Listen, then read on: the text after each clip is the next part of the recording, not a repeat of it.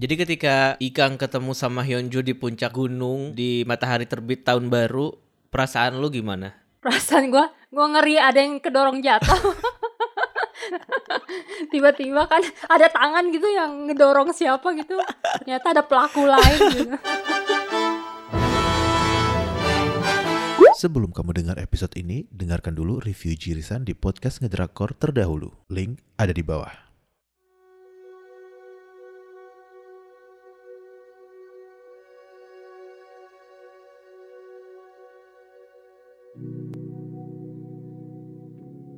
Gue ngakak waktu si eh, siapa namanya rangernya bilang kayak matahari besok sama kok sama matahari hari ini ya Iya, udahlah nanti jangan jangan berebut jangan berebut besok kan juga matahari masih terbit insya Allah ya kalau belum kiamat gitu maksudnya tapi ya bener juga bakal sama gitu Loh, itu adalah ucapan bokap gue setiap tahun baru. Jadi keluarga gue tuh kalau tahun baru gak pernah ke mana-mana. Katanya ya udah sama aja, cuma beda hari. iya bener juga sih Om ya gimana Om sehat kan tapi sekarang Iya, alhamdulillah, seperti hari Alhamdulillah biasa. ya seperti hari biasa.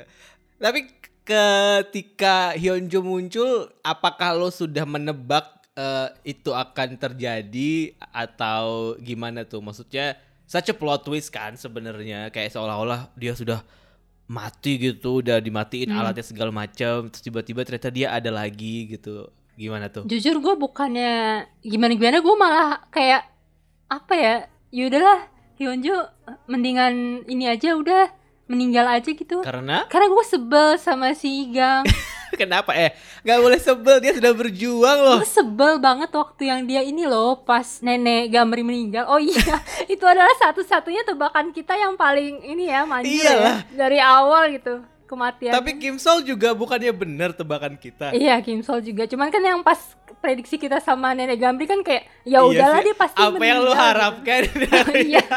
dan nenek naik gunung gitu kan Di film thriller pula. ya Allah nggak mungkin dia akan selamat kemudian dia jadi eh, pemilik penthouse ya gak sih Mm-mm. Eh, apa kenapa lo kesel sama Ikang tadi ya si Kang ini gue sebel banget waktu si siapa sih nenek Gamri ini? Gue jadi di otak gue namanya gaul nenek Gamri apa-apa. nenek Gamri ya. ya udah ya.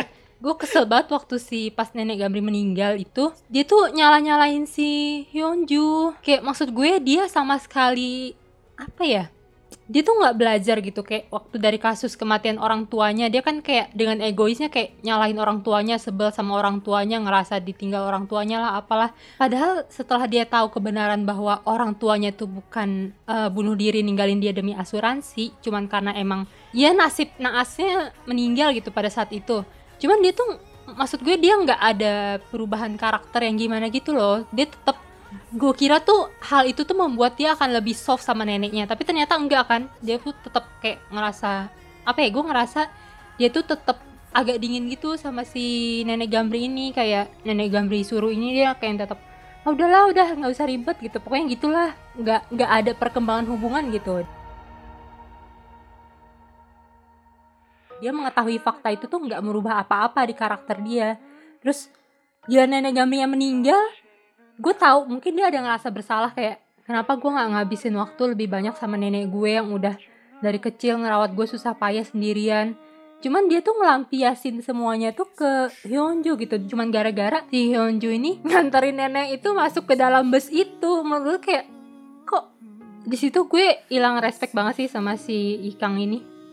Kayak oke mungkin kalau misalkan dia kebawa suasana nyebut asalnya plus pas hari kematian itu aja tuh kayak ya udah gitu. Tapi ternyata dia bahkan cukup lama kan dia bilangnya dia putus hubungan sama si Hyunjo sampai akhirnya dia tuh baru ketemu lagi pas eh, musim dingin pas kecelakaan itu. Hmm. gue kayak nih orang dendam gak berdasar banget gitu. Bahkan dia tuh kayaknya bukan tipe orang yang familiar dengan kata maaf tolong terima kasih gitu deh. Kayak dia tuh ya hidupnya tuh sesuka dia aja gitu sesuai pikiran dia aja. Menurut gue kayak ah Yonjo yang malang Tapi apa yang lo bilang barusan itu yang soal dia nggak familiar dengan maaf dan terima kasih memang udah tergambar dari awal gak sih? Iya. Maksudnya apa yang terjadi sama dia ketika dia kecil itu ia membentuk karakter dia seperti yang sekarang ini sih dan maksud gue kayak mungkin butuh proses yang cukup lama juga ya sampai dia bisa berpikir bahwa ternyata memang nggak nggak selalu harus harus melampiaskan eh, amarah dan juga kesalahan ke orang lain gitu loh untuk untuk sebuah kejadian. Mungkin butuh waktu lama untuk dia mencapai ke titik kedewasaan proses berpikir itu gitu tapi Lama banget. Iya makanya tapi menurut gue mungkin itu yang pada akhirnya bikin dia jadi merasa bahwa dia harus memecahkan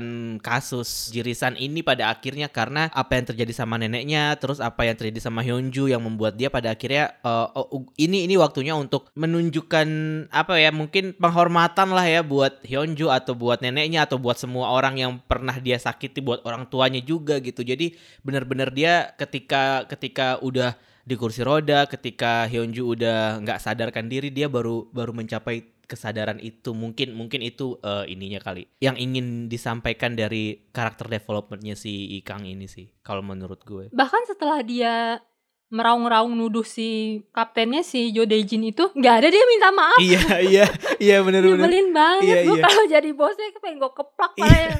iya, Siapa yang lo tuduh pembunuh? Bah- bahkan sampai bosnya masuk penjara juga kan iya, maksud gue kayak nggak tahu mungkin karena gue karakternya bertolak belakang banget kali ya sama dia gue kayak ngerasa kok sulit sekali relate. Emang kat bener kata lo dari awal gue udah ngerasa ini tipe-tipe cewek yang dingin yang kayak punya trauma masa lalu cuman dia kayak terlalu lama gitu menurut gue dia tuh untuk mendapat karakter developmentnya harus orang tuanya kenapa-napa dulu lah, neneknya kenapa-napa dulu lah, bosnya kenapa-napa dulu lah, eh, apa juniornya kenapa-napa dulu lah. gue Kayak- rasa Aduh, gue rasa itu karena mereka tinggalnya di deket daerah gunung Nat. Jadi susah buat nyari terapis. Jadi nggak ada praktek di situ gitu. Mereka harus turun ke Seoul dulu gitu. Kayak mau kayak aduh ribet deh gue nih mau mau konsultasi buat kesehatan mental gitu. Akhirnya ya udah. Atau mungkin eh, karena kita ada di cerita yang agak-agak mistis mereka malah masih berpikiran bahwa oh it's not a necessary thing to do gitu. Kayak em, mereka belum sampai mungkin ke ke titik di mana kayak gue butuh butuh terapis gitu. Maksud gue kayak coba lu bayangin orang-orang yang ada di situ dari eh, Ikang, Kim Sol, si uh, Jo Dae-jin gitu. Semuanya itu punya masa lalu yang kelam banget gitu yang yang berkaitan sama eh, kematian ngelihat orang bunuh diri dan segala macam gitu. Dan gimana coba lo bayangin mereka mendewasa hidup bertambah usia gitu dengan segala kenangan-kenangan itu tanpa bantuan dari eh, orang lain gitu tanpa tanpa terapis gitu. Pasti ya pada akhirnya perkembangan karakternya juga jadi kayak manusia biasa seperti kita ini gitu loh kayak goyah banget pasti kalau menurut gue. Mungkin mungkin itu juga kali yang yang membuat eh, apa banyak sekali pergulatan batin di eh, karakter di Jirisan ini sih ya. Cuman semua yang lo bilang tadi make sense sih Iya, justru gue nggak tahu ya, gue ngerasa gue malah lebih bisa bersimpati sama si Kim Sol daripada Ikang. kenapa tuh Pas akhirnya diceritain soal masa lalunya si Kim Sol itu gue kayak, wah kasihan banget sih anak ini kayak dia benar-benar tertinggal sendiri dan ngerasa semua orang itu tuh jahat sama dia dan keluarga dia gitu Iya, loh. iya, Maksudnya iya. dia udah nggak nggak punya sama sekali tempat untuk apa ya? Untuk berbagi beban, untuk orang yang merhatiin dia. Bahkan dia sendiri awalnya sempat mau bunuh diri kan, Mm-mm. cuman karena ketemu sama si Hyunsu. Heeh, malah jadi punya pikiran ah sebelum gue meninggal gue bunuhin aja dulu semua orang ini gitu. iya iya Sedangkan kalau Ikang semua orang di sekitar dia tuh baik dan sayang sama dia, dia aja bersikap kayak play victim seolah-olah dia sendiri yang terluka. Gue gak suka banget sih orang kayak gitu. Makanya gue sampai mikir kayak ya udahlah Hyunjo meninggal aja biar si Ikang ini mendapat penyesalan seumur hidup biar Iya. nggak sempat minta maaf gitu. Iya iya biar nanti sampai ada lagi eh, ranger yang baru dia bisa lebih berubah gitu ya. Iya, sampai season 2. Iya kayak kayak gue waktu waktu waktu Dawon meninggal aja gue setuju banget sama si eh, Oh Jung Se yang bilang kayak lu yang nyuruh dia pergi ke gunung jadi lu yang salah terus dalam hati gue iya juga sih ya lu yang melibatkan dia tapi kayak Iya. tiba-tiba lu flat face aja gitu ngerasa kayak iya gimana dong iya juga sih. Iya dia langsung melimpahkan semua ke si Jo Daejin Iya, kan iya. si bosnya itu kan maksud gue dia sama sekali tipe orang yang nggak punya ngerasa pertama kali tuh normal gak sih kalau kita tuh menyalahkan diri kita dulu kayak "Hah, gara-gara gue. Terus kayak baru berusaha untuk coping gitu ya kayak oke bagaimana Uh-uh. caranya kita keluar dari sini dan kita eh, me- mencari kebenarannya gitu. Tapi momen Iya. itu tuh nggak ada di di Ikang menurut gue waktu si Dawon meninggal itu. Jadi kayak pas Dawon meninggal ya udah gitu. Kasihan banget sumpah. Gue tuh eh paling kasihan sama Dawon sih. Maksud gue eh gue, gue kan awal nonton ini tuh kan kayak ng- nggak mau berharap maksudnya nggak ada ekspektasi akan dapat plot twist seperti apa gitu nggak mau menebak-nebak seperti apa juga. Kalau kita nggak ada giveaway soal teori juga gue nggak bakalan mau nimbrung ke teori gitu maksud gue. Tapi ketika gue nonton dan terus tiba-tiba Dawan meninggal kayak lah gue gitu kok tiba-tiba dia mati? Gue terus siapa dong yang bakalan bakalan menyelesaikan kasus ini? Terus habis itu si Ikang kayak oh ya udah gitu daun mati oh ya udah gitu kayak ih kasihan banget jadi daun gitu. Kayak ibarat ibarat kayak gue ketemu sama idol K-pop kesukaan gue gitu terus pas gue ketemu sama dia eh dia malah bertingkah kayak brengsek gitu terus lah selama ini gue memuja-muja lo gitu tapi kenapa lo jadi kayak gini gitu itu tuh kekecewaan bahkan sampai liang kubur daun masih kecewa itu dengan dengan sikapnya Ikang gue rasa Anjir gue cuma jadi pesuruh gitu. iya, udah jadi pesuruh terus ketemu hantu terus gue dibunuh gitu kan. Kayak aneh banget. Kalau gue justru ngelihat kematiannya si Daun ini untuk sengaja bikin ini loh. Penonton tuh jadi mikir deg-degan gitu karena kan dia termasuk salah satu karakter utama yang ada di OBB kan. Mm-mm. Dan dia ranger juga kan. Mm-mm, jadi kayak mungkin bikin kita jadi wah jangan-jangan ntar bakal ada lagi nih dari orang-orang utama ini yang meninggal jangan-jangan eh, Hyunju bakal meninggal juga atau siapa gitu.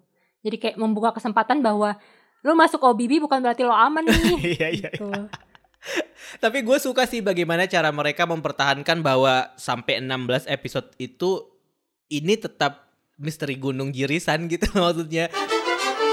Dan awalnya kan gue sempat pas nonton sempat ngerasa kayak kenapa sih mereka harus eh, flashback flashback gitu? Maksud gue ada satu episode yang present day-nya itu tuh cuman sedikit banget cuman kayak 5 menit atau 10 menit terakhir gitu. Sementara sisanya Hmm. cuman flashback doang gitu.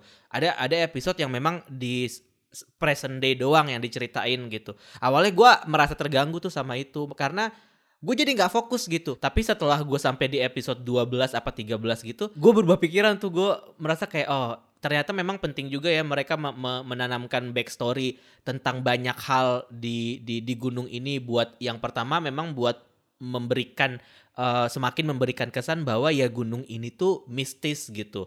Yang kedua eh, gue suka bagaimana cara mereka menggambarkan proses kerja para ranger itu loh. Kalau gue sempat mikir pada kayak ada beberapa episode yang ibarat hospital playlist tapi versi jagawana gitu loh. Iya daily life-nya mereka ya. Iya, gimana mereka menangani kebakaran hutan, gimana mereka menangani eh, banjir yang mendadak, ba- batu yang tiba-tiba jatuh dan segala macem gitu. Usaha-usaha para ranger dalam menjalankan tugasnya itu backstory yang yang cukup kuat ketika kita benar-benar fokus di eh, present day untuk me- menyelesaikan cerita-ceritanya si eh, apa hantu yang gentayangan ini sih menurut gue itu. Pada akhirnya gue jadi sadar oh iya ini emang emang emang dibutuhkan gitu emang diperlukan gitu. Dan di situ gue baru mulai merasa bahwa memang memang keputusan yang tepat untuk menceritakan jirisan ini maju mundur maju Hmm. mundur gitu loh kalau gue pikir karena justru kalau misalkan kalau dia linear aja gitu pasti pasti akan boring sih gue Kalau gue sih nggak terlalu terganggu sama maju mundurnya, cuman gue itu kan gue susah ya nginget nama dan muka orang. Apalagi kalau pas bagian flashback ke tahun 91 itu kan sebagian besar orang-orangnya itu mukanya berbeda kan dengan Mm-mm. yang sekarang kan. Iya, iya. Cuman paling si nenek Yakult yang ngasih sesembahan itu aja yang mukanya sama. Kayak yang lainnya tuh kayak hah ini siapa? Ini yang mana? Gue tuh suka ketuker-tuker gitu loh. Gue nggak fokus jadi kayak ya udahlah terserah lah mana aja yang mau meninggal gitu. Kebanyakan pusing gue ngapalinnya kalau case hariannya gue paling suka yang kebakaran sih. Iya itu gue suka banget sih yang kebakaran Iya kan? itu. Dan di situ juga akhirnya gue ngerasa kayak fix banget nih di antara ranger utama ini nggak ada yang pelakunya. Karena di situ kayak benar mereka kelihatan apa ya semua tuh lagi kerja dan semua itu kelihatan banget kalau mereka tuh saling berusaha melindungi dan punya ikatan gitu. Iya iya. Itu juga sih itu juga salah satu yang jadi jadi poin flashback flashback itu menurut gue bagaimana kita dikasih gambaran bahwa teamworknya si Ranger ini sebaik itu dan eh, hubungan mereka secara personal pun sebenarnya sedekat itu. Sehingga semakin ke menuju ke akhir episode semakin kita berusaha mengeliminasi kecurigaan-kecurigaan kita gitu loh. Kayak oh nggak mungkin si ini nggak mungkin si ini nggak mungkin si ini gitu kan. Sampai akhirnya Hmm. si eh, siapa? Si Jodejin gitu. Kayak kan awalnya gue sempat bilang gue curiga sama dia kan. Hmm. kayak apa sih yang terjadi sama orang ini? Maksudnya dia nggak banyak ngomong tapi kok banyak pikiran kayaknya ya gitu. Ternyata sampai di tahun 95 kita dikasih lihat bahwa dia eh, ada di apa rumah yang diterjang banjir, dia ada sama orang tuanya Ikang, dia menyaksikan si bapaknya Kim Sol bunuh diri dan segala macem. Jadi kayak dia pun sebenarnya merasa memang ada yang salah sih dengan dengan kejadian-kejadian terakhir ini dan mungkin mungkin berhubungan juga sama karena dia memang tidak pernah berusaha untuk mengobati luka lama dia itu dengan in a uh, apa medical way gitu jadinya dia juga kayak kayak bisa deh gue ngerja ngurusin ini sendiri yang pada akhirnya kan bikin orang-orang curiga kan Mhm. kayak kenapa dia tiba-tiba ngumpulin pita terus uh, sarung tangan dan segala macem gitu ya sebenarnya salah sendiri juga sih kalau misalkan dia terbuka dari awal dia nggak mungkin masuk penjara sih apalagi dia berhadapan sama Ikang gitu kan yang kayak keras kepala banget yang yang Mm-mm. yang sama-sama yang sama-sama menyimpan teori se- apa spekulasi sendiri tapi nggak dia keluarin gitu. Tapi itu buat Ikang mungkin agak agak cukup eh, masuk akal dia menyimpan karena kita pernah diceritain dia ngomong ke polisi dan polisi nggak percaya kan. Jadi mungkin itu yang membuat dia jadi kayaknya gue nggak bisa deh ngomong sama orang-orang. Kayaknya mending gue ngelakuin ini sendiri sendiri aja gitu. Akhirnya dia ngajak daun dan daun mati. Nah itu mungkin baru momen di mana dia kayak oke kita harus melibatkan orang-orang Iya. ini pada akhirnya Ya, gitu. soalnya dia nggak bisa naik gunung sendiri juga iya, kan. makanya Eh, awalnya kan kita pikir dia bohongan tuh itunya eh, apa handicapnya Eh, kakinya. kan. Mm-mm. Oh dia ternyata ini ya beneran karena psikis ya kayaknya ya. Iya. Karena kan pas setelah apa case-nya selesai dia akhirnya bisa jalan lagi. Iya makanya. Waktu yang waktu yang dia berusaha untuk apa naik, Naik. gunung itu kayak gue ngerasa mohon maaf mbak gitu Iya. buat apa gitu ini tuh sebuah usaha yang ya udah sih mbak gitu loh maksud gue. Kayak ya Allah gitu. Kayak ya Allah. Gue ngerti gue ngerti sih perasaan lo beban di hidup lo tapi ya Allah mbak gitu. Iya gue gue sempat apa sih fungsi mereka tuh sempat mention kayak iya kita akan segera membuka jalur khusus untuk disabilitas gitu. Terus ujung-ujungnya apa nggak ditunjukin nggak nggak terbuka nggak terjadi juga gue kira itu nanti akan ada sesuatu eh, Ikang bisa nyampe gunung sendirian gitu atau apa. Ternyata belum apa-apa baru eh, di ujung sana dia udah jatuh Iya, dan gue suka sih momen yang waktu si Do- Jo Dejin bilang kayak ayo kita naik gunung terus mereka naik helikopter gitu. Gue pikir kayak kenapa nggak dari awal aja sih?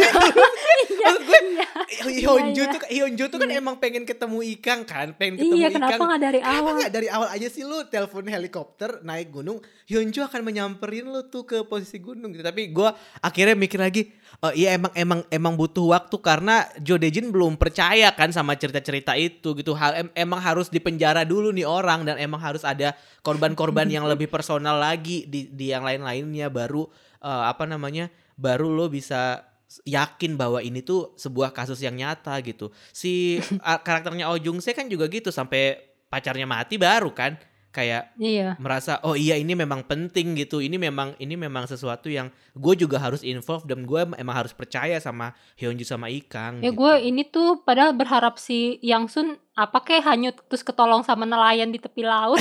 Ayo, jauh ya, jauh ya lautnya sama gunung. kan eh gimana Kata sih? Dode bentar kan katanya si Jo Dejin yang pas eh, mereka nyari di danau itu nggak ketemu ya udah dia kayaknya udah meninggal ke bawah sampai laut gitu kan kata siapa gitu gue lupa yang bapak-bapak tua itu. Terus ya siapa tahu kan ketolong gitu ke jaring pas, pas ngangkat jaring ikan loh ada Yang Sun. Tapi gue suka sama eh, ini sama love line mereka sih. Iya. kayak di antara semua di antara semua ke hektikan para ranger mengurusi kebakaran hutan dan ibu-ibu bandel dengan kompor portable ya ini kayak ada ada sesuatu yang manis gitu loh di antara iya iya iya. semua itu. Dan waktu adegan terakhir dia datang ke apa ke tempat yang mereka cuman di jembatan itu kayak ih sedih banget. Iya iya benar ya sedih banget sih. Kayak gue berjanji gue akan eh, jadi ke- kepala apa naik jabatan gitu kan. Terus kayak pas udah naik jabatan ya pacarnya udah nggak ada sedih sih. Ya makanya gue tuh lebih nge-ship mereka berdua daripada Ikang sama Hyunju Kayak ya udahlah Hyunju udah gue relakan lo gitu kan. Balikin sini Yang Sun. Eh kebalikan. Gue juga tidak gue dari awal juga nggak merasa bahwa Hyunjo sama Ikang eh, bakal ada hubungan romantik atau gimana sih. Gue gue sangat sangat menikmati chemistry mereka sebagai junior dan senior yang platonis aja gitu. Nggak nggak yang terlalu diromantisasi. Dan gue bersyukur sih eh, serial ini tidak terlalu meromantisasi itu gitu. Karena itu menurut gue kalau misalkan Ikang sama Hyunjo diromantisasi banget gitu ya kayak kayak drama percintaan banget malah jadi kayak eh, ini deh apa fokusnya tuh jadi hilang gitu menurut gue. Kayak untungnya kita nggak terlalu dapet manis-manisnya mereka berdua yang berlebihan kayak manis-manisnya Yang Sun sama si karakternya Oh Jung Se sih menurut gue sih Mhm. eh, aman sisanya oke lah gitu. Cuman yang gue paling pertanyakan sampai episode 12 adalah kemunculan Bamba Lotre sih. Kayak wah gila. Ini orang ya demi uang itu tuh bener-bener kerja keras banget buat buat mendapatkan itu gitu. Tadinya gue pikir kayak dia setelah menemukan lotre itu untungnya dia ketemu ya lotre itu ya. Yang kayak setelah setelah dia udah pasrah gitu untungnya dia ketemu gitu. Gue gue pikir kemungkinan terburuknya adalah dia ketemu terus dia hanyut di banjir dan dia tidak bisa menikmati hartanya dia gitu. Hmm. terus kayak ya udah gitu kan. Kayak ya memang nasib lo aja mbak gitu. Tapi keteguhan dia dari awal lotre itu terbang sampai akhir itu standing applause buat dia tapi di saat yang sama mempertanyakan itu kertas lotre terbuat dari apa gitu.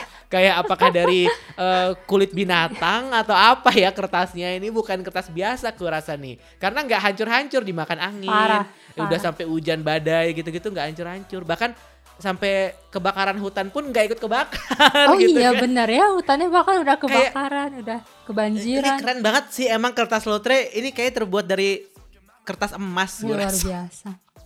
Gara-gara dia ya, yang Sun jadi kehilangan nyawa. Tapi mungkin itu akhirnya yang bikin dia jadi akhirnya dia mau jadi ranger kan di ending-ending kayak wah gara-gara gue dulu ditolong ranger sampai dia meninggal terus gue harus balas budi lah. Padahal kalau menurut gue kalau udah dia dapat duit sebanyak itu nggak usah kerja nggak sih? Lu main saham aja nggak sih? Iya maksud gue dia ngerasa beban kali dia dihantui yang Sun di tiap iya kalau kalau lo merasa beban lo bikin aja sekolah ranger atau ngasih donasi atau apa gitu yang yang bisa membuat ranger, ranger. jangan jangan kayak ngambil stepnya tuh langsung yang tinggi gitu. Eh karena dia udah melalang buana di sudut gunung dia udah ngerasa ini apa otot bisa udah bisa merasa terbentuk. bisa ya.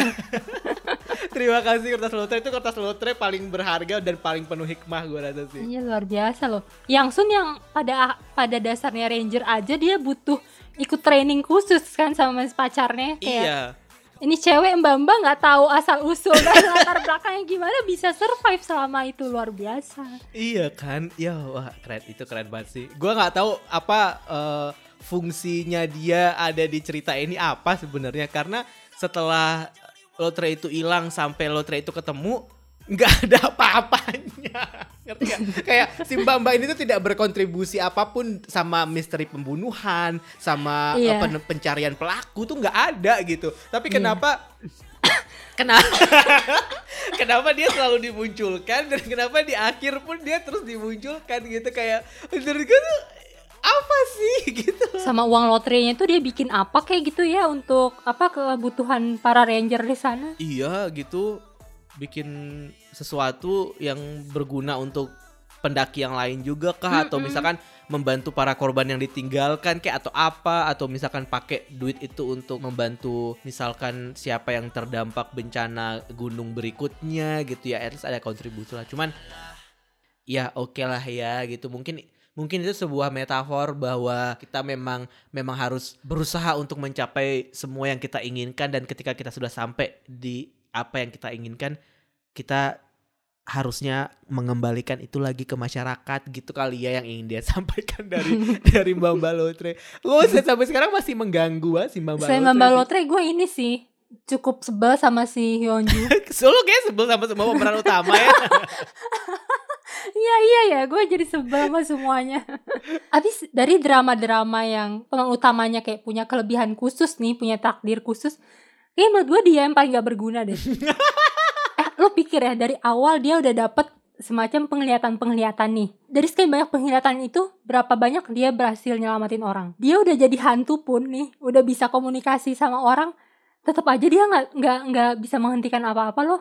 Kayak maksud gue, dia mulai dari jadi manusia yang punya penglihatan sampai jadi hantu yang sebenarnya bisa melalang buana ke mana-mana, dia tetap tidak berguna. tetap ujung-ujungnya Kim Sol tuh berhasil membabat hampir 90% ini penduduk desa Iya, gelap iya, iya, itu. iya. Terus gue tuh agak kesel juga sama dia kan dia mau ngambil alat komunikasi tapi kan nggak bisa ya. Hmm. Dia, terus dibilang kalau dia tuh cuman bisa menyentuh Apa yang, yang ada, di ada gunung di kan gunung. kayak Iya. eh, kayu, batu, tanah gitu. Mohon maaf kak, tulis aja pakai batu Bener. di di, di Bener. tanah gitu. Saya mencari ikan atau apa gitu kan atau Itu bikin aja tulisan pakai gak pakai kayu gitu loh buat apa tanda-tanda atau di gunung at- apa di tembok di tembok gua atau apa gitu kayak kenapa sih? Ini hantu. Apalagi yang pas di ending-ending yang si sebelum Hyunju akhirnya mau dicabut tuh alat bantu hidupnya. Mm-mm. Dia kan akhirnya mutusin untuk ngasih clue terakhir lewat kata sa- eh apa kata sandi. Lewat sandi batu-batuan itu lagi kan ke Ikang kan. Mm-mm. Kok bisa ya si Ikang ini tuh langsung kayak relate, oh HP gitu. Menurut gue tuh kayak masa sih dia bisa langsung nebak secepat itu kenapa nggak kayak ya udah dia boleh ngasih tanda itu eh, apa petunjuknya ada di lokasinya di polisi kantor, polisi. ya. Cuman misalkan dia tulis kayak di ada ranting gitu dia susun HP gitu Iya. atau apa kek. Gambar gitu ya handphone Heeh. Samsung gitu. S Note kali. 21. Heeh, di di apa di kikir-kikir daunnya gitu jadi kayak bergetah kayak iya iya bener. nggak kreatif banget gitu dia jadi setan Iya di iya sana. iya iya. Gua gua butuh penjelasan sih kenapa kenapa hantu Hyunjo ini ya mungkin mungkin nih mungkin ketika dalam kondisi du- alam bawah sadar itu mungkin ada hal-hal yang nggak bisa kita raih di dunia nyata gitu kali ya. Maksudnya kayak eh, pikiran-pikiran logis. Harusnya tuh gue kayak gini tuh mungkin nggak nggak nggak nggak kegapai mungkin sama alam bawah sadar dia mungkin. Jadi memang kondisinya dia lagi koma gitu yang bisa dia pikirin adalah oh ini gunung. Ya udah mari kita beri kode dengan apa yang ada di gunung saja gitu. Iya maksud gue kecuali kalau misalkan dia bilang dia nggak bisa eh, melakukan apa-apa kecuali bikin eh, kode batu-batuan itu oke gue terima. Ini kayak dia bisa loh nyentuh semua yang ada di gunung yang seluas itu. betul betul betul. Apalagi setelah tanda dia tuh di di copy sama si Kim Sol menurut gue kayak dia mikir gak sih kayak dia harus berusaha mencari cara komunikasi lain atau Ih, apa banyak gitu? tahu sebenarnya kayak sebagai ranger mereka bisa kali pakai ka- sa- kode Morse ya nggak sih? Kayak titik-titik garis titik-titik garis titik gitu aja. Kan itu kan simple kan tinggal lo tulis aja di tanah gitu. Jadi nggak perlu pakai hangul juga nulisnya pakai kode Morse aja nggak sih? Bisa sih iya sebenarnya. ya ya udahlah. Mungkin memang ketika kita dalam kondisi koma itu eh akal kita emang ini nat mandek nat kayak lagi mimpi ya? Iya kayak lagi mimpi. Jadi kayak nggak nggak kegapai gitu. Kan biasa kan kalau lo lagi mimpi lo juga kayak pengen melakukan sesuatu tapi nggak bisa gitu. Kalau lo lagi kayak misalkan lagi ketindihan gitu misalkan kayak gue pengen kabur tapi kok nggak bisa gitu. Mungkin itu yang dirasakan sama eh, si Hyunju juga. Karena ada hal-hal yang ketika dia dalam state itu gitu dia cuman bisa megang hal-hal yang ada di gunung aja. Tapi bisa sih memang megang batu tanah dan segala macam tapi nggak sampai tuh eh, alam bawah sadar dia untuk nulis pakai hangul gitu misalnya. Mungkin. Tolong eh, beri penjelasan pada kami eh, Kim Eun Hee. Kanim. Kami butuh penjelasan. Eh terus ini masih pas- ada ya? Iya yang pas ini loh eh, mitos bahwa orang yang ngelihat arwahnya si Hyunju bakal meninggal. Kok Ika nggak meninggal? Iya. Kok dia doang yang memang selamat mitos berarti memang cuma mitos terus yang misteri api biru yang dilihat sama youtuber itu itu jadi beneran hantu apa center orang apa gimana sih itu kayaknya halus sih menurut gue. Tapi itu kayaknya beneran beruang gak sih? Kayaknya itu beneran beruang deh. Waktu pas episode itu kan dijelasin juga di ketinggian tertentu sama kayak misalkan kita ada di kedalaman tertentu gitu, kita tuh bakal berhalusinasi kan. oh halusinasi Mereka memang melihat beruang, tapi mereka berhalusinasi itu sebagai eh, apa? Apa sih mereka nyebutnya? Eh, jin ifrit apa? iya gitulah bola api kalau di Indonesia semacam itu kan eh, makhluk makhluk gaib kan. Jadi gua rasa itu memang beruang sih karena beberapa kali waktu di waktu di episode itu pun di tempat itu pun pelang yang tulisannya was- waspada di sini sering ada beruang itu tuh selalu dikasih lihat gitu Hmm. sama si drama ini gitu. Jadi eh, itu setelah itu dikasih lihat terus mereka bilang lagi kan kayak sebenarnya kita bisa berhalusinasi di situ karena berkabut dan segala macam. Terus eh, ya itu memang benar beruang tapi kita sebagai manusia melihat itu merasa bahwa itu sebagai eh, benda gaib gitu. Kalau menurut gue itu memang bener beruang Eh, sih. keinginan kita untuk mendapat asupan supranatural lebih itu nggak tercapai nggak ya. tercapai iya bener-bener mereka tetap berusaha untuk menjadikan ini se- selogis mungkin pada akhirnya kayak gue kira Iya. ya udah sekalian aja gitu sekalian aja lo eh, bahas soal legenda gunung dan segala macem karena perdukunan-perdukunan kan juga pada akhirnya udah nggak ada lagi kan dimunculkan di di sisa-sisa terakhir Harapan gue sempet naik tuh waktu yang pas episode bahas itu apa? Spiritless Day itu loh yang Iya, iya, yang iya, iya, mereka iya. ada bendera apa sih? Spirit gunung jatuh patah terus kayak wah pertanda buruk nih apa? eh, roh jahat bakalan datang gitu. Gue kira kayak bakal ada apa nih gitu kan. Gue kan suka kalau lihat ada makhluk-makhluk aneh eh ternyata, ternyata memang bencana alam biasa aja ya Iya. tapi Kirain bakal ada apa gitu. tapi lo puas nggak dengan Kim Sol mati ketimpa batu kayaknya itu penyelesaian yang paling ini sih kayak dia udah bertingkah di gunung akhirnya ya udah dibunuh sama gunung gitu. Iya iya iya. Emang yang paling apa ya yang paling yang paling masuk akal juga sih menurut Iya, gue. Kan sebelumnya di episode sebelumnya kan juga pernah dikasih lihat bahwa ketika eh, hujan deras itu kan memang kemungkinan akan terjadi longsor kan besar banget kan. Iya dan iya. dan eh, Ikang juga pernah kan yang kayak ketika dalam menuju ke gunung terus tiba-tiba batu Longsor. jatuh di depan dia dan dia berhenti di situ terus kayak itu menggambarkan ini banget sih kondisi banget dan menyambung tadi sama omongan gue yang soal flashback kejadian-kejadian di gunung dan segala macem pada akhirnya di sisa episode di sisa-sisa episode terakhir itu ya memang eh, backstory soal bencana alam yang di gunung itu yang pada akhirnya menyelesaikan ceritanya gitu. Iya benar. Tapi ngomong-ngomong soal penyelesaian cerita dan akhir jirisan nih, ada yang terbukti gak dari teori-teori teman ngedrakor di Instagram yang kemarin kita bikin a giveaway? Ada beberapa sih akhirnya. Banyak juga ternyata yang udah apa memasang mata pada si Kim Sol ya. Iya kan, sejak awal tuh udah curiga nih orang apa nih maksudnya nih gitu. Tapi nggak nggak nggak, gue nggak gue tidak menyangka kalau ternyata memang dia uh, backstory-nya tuh sedip itu sih. Gue kira kayak Iya. cuman sekedar uh, nerd freak aja gitu. Jadi kemarin kita sempat ngadain giveaway di um, Instagram podcast ngedrakor kerjasama sama IC Indonesia dan kita udah punya tiga pemenang ya yang akan mendapatkan merchandise eksklusif jirisan Selamat. Selamat buat pemenang ada Ed Diana Taliatan, terus juga ada Ed Devina Septiana underscore sama Ed Asti Wisnu. Gue bacain dari eh, satu siapa ya? Dari Diana dulu ya. Nanti next lo ya Nat ya. Ya. Menurut penglihatanku si Kang Ilhe dan Guyong ketemu kakeknya Yang Sun. Kakeknya cerita kalau dia, Choi Ilman dan kawan-kawan dulu yang memasukkan bangkai hewan ke sumur nyalain senter malam-malam biar dikira hantu cahaya dan nyelakain mamanya Kim Sol supaya penduduk pindah dan mereka dapat duit. Ntar diceritain juga Aung Sun ketemu sama Kim Sol di gunung. Dia nanya soal kematian penduduk lembah hit jembatan hitam dan kaitannya dengan pita kuning. Mereka adu mulut dan rebutan handphonenya Kim Sol karena di situ ada chat bukti pembunuhan. Oh, ya ini terjadi. Ini kemudian terungkap sih. Kepala Ung Sun dipukul pakai batu sampai pingsan. Kim Sol kabur tapi lupa ngambil handphone yang dipegang dipegang Ung Sun. Cukup detail ya. Gue rasa dia penulis skenario nya deh Nat. Iya. Ghostwriternya jangan-jangan. Ikang dan kawan-kawan kantor polisi cari Wung Sun dapat info dia lagi ke gunung ditelepon gak diangkat-angkat ranger dan polisi melakukan pencarian di hutan sayangnya Wung Sun ketemu dalam keadaan tidak bernyawa Kim Sol ditangkap di bekas desa lembah jembatan hitam beserta sekarung barang bukti. Dia ngaku kalau motifnya dendam. Kim Sol divonis hukuman seumur hidup tapi di sel tahanan dia ditemukan gantung diri. Gi, ini sebenarnya endingnya lebih menarik sih menurut gue. Kim Eun Hee mungkin bisa hire kakak ini buat penulis drama selanjutnya. Jo Dejin pun akhirnya dibebasin. Ikang dapat telepon dari rumah sakit kalau Kyon- kondisi Hyunju kritis. Ikang dan kawan-kawan ke RS, dia masuk ke ICU dan cerita kalau pembunuhnya udah ketangkep. Keja- Keajaiban terjadi, Hyunju bangun. Di balai desa Hedong, semua penduduk dan ranger berkumpul untuk mengenang yang sudah wafat. Sambil nonton slide foto-foto, Hyunju menggenggam tangan Ikang. Acara selesai, semua keluar dari ruangan disambut turunnya salju pertama tahun itu. Ikang dan Hyunju saling menatap dan tersenyum, diiringi backsound Always With You-nya Paul Kim. 똑같은 하루 Sampai soundtracknya dipikirin ya. Gua rasa ini emang ghostwriternya Kim Eun Hee sih.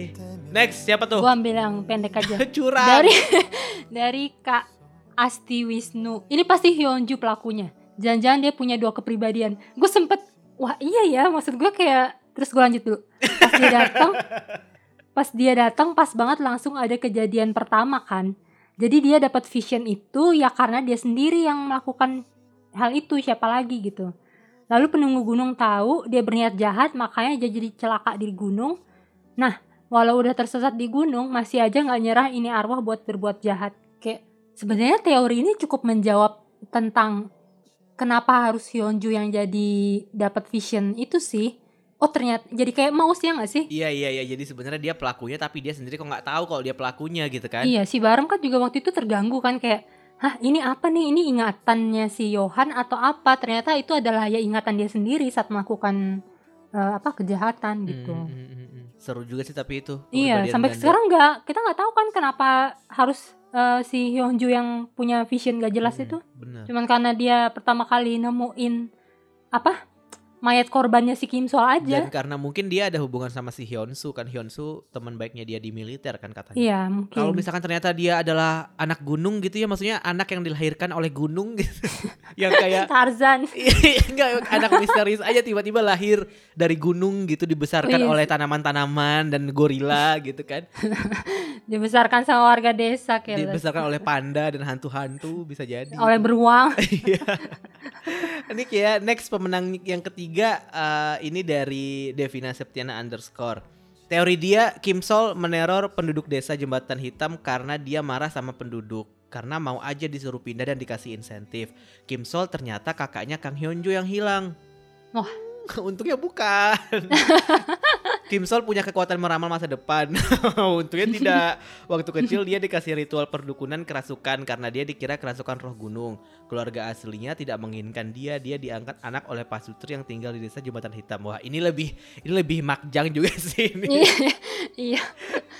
Hyunju punya kekuatan melihat masa depan seperti kakaknya yaitu Kim Sol. Hyunju ternyata polisi yang nyamar jadi ranger. Dulunya dia tentara. Dia menyelidiki pembunuhan di Jirisan dengan kekuatannya. Hyunju tahu Kim Sol dan Wong Sun pelakunya. Motif Wong Sun sebenarnya untuk menjaga agar tidak ada yang merusak alam. Bapak-bapak kolektor herba yang meninggal dibunuh sama Wong Sun.